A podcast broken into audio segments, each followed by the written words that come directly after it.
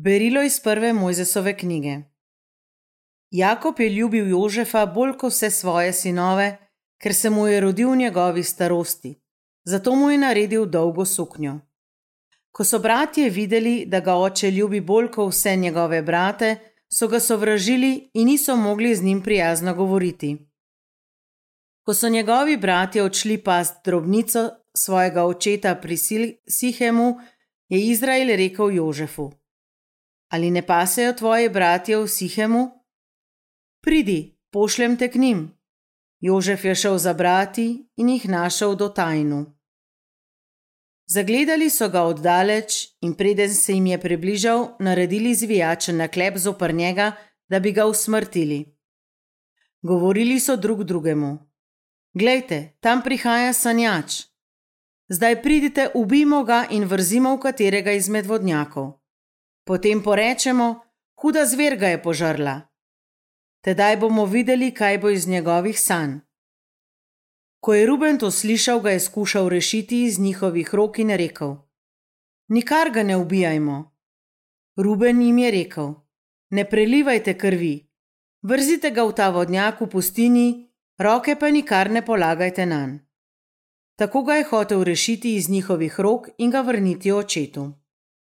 Ko je torej Jožef prišel k bratom, so mu slekli suknjo, dolgo suknjo, ki jo je nosil. Potem so ga zgrabili in ga vrgli v vodnjak. Vodnjak pa je bil prazen, ni bilo vode v njem. Na to so sedli jesti.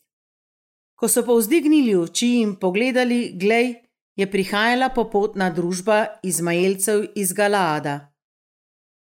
Njihove kamele so nosile kozlinec, mastiko in dišečo smolo. Potovali so, da to prinesejo v Egipt.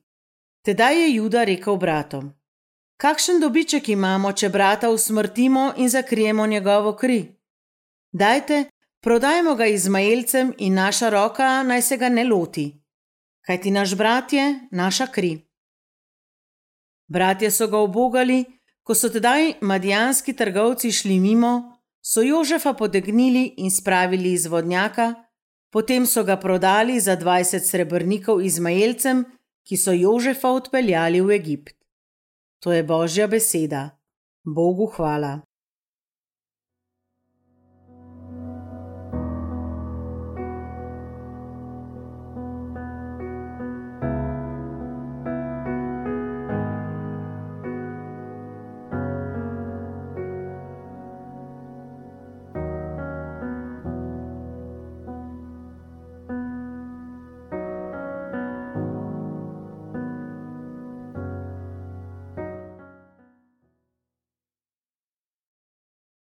Odpev: Spominjajmo se čudovitih božjih del. Poklical je lakota v deželo, otegnil so zalogo kruha, poslal je moža pred njimi, Jožefa, prodanega za sužnja. Spominjajmo se čudovitih božjih del.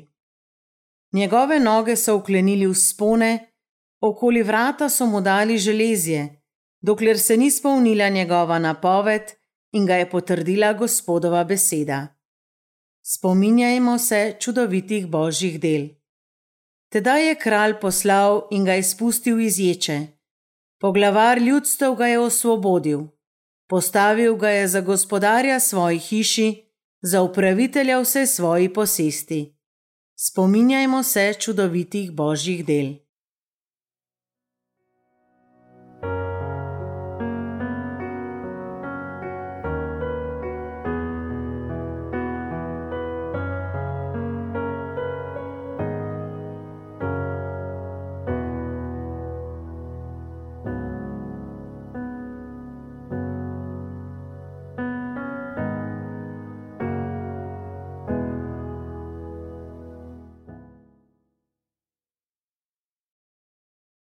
Gospod, tvoje besede so duh in življenje, ti imaš besede večnega življenja.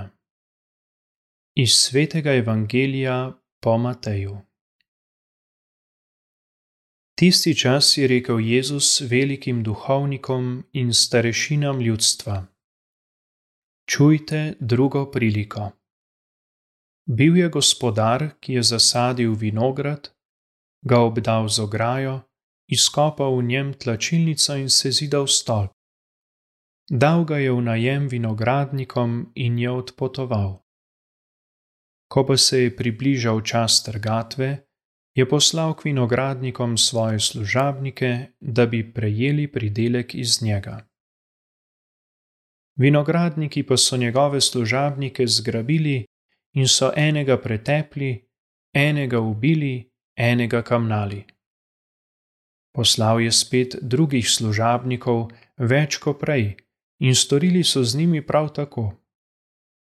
Na zadnje je poslal k njim svojega sina, misleč, mojega sina bodo spoštovali. Ko so vinogradniki zagledali sina, so rekli med seboj: To je dedič, dajte, ubijmo ga in se polastimo njegove dediščine. In zgrabili so ga, vrgli iz vinograda in ubili. Kadar torej pride gospodar vinograda, kaj bo storil s temi vinogradniki? Rekomu, udobne že bo hudo pokončal in vinograd bo dal v najem drugim vinogradnikom, ki mu bodo dajali pridelek ob svojem času. Jezus jim reče: Ali niste nikoli brali v pismu, kamen, ki so ga zidari zavrgli, je postal vogalni kamen? Gospod je to naredil in čudovito je v naših očeh. Zatorej vam pravim, da se vam bo Božje kraljestvo vzelo in dalo ljudstvu, ki bo dajalo njegove sadove. Ko so veliki duhovniki in farizeji slišali njegove prilike, so spoznali, da govori o njih. Skušali so ga prijeti, pa so se zbali ljudstva, ker ga je imelo za preroka. To je Kristusov evangelij. Hvala tebi, Kristus.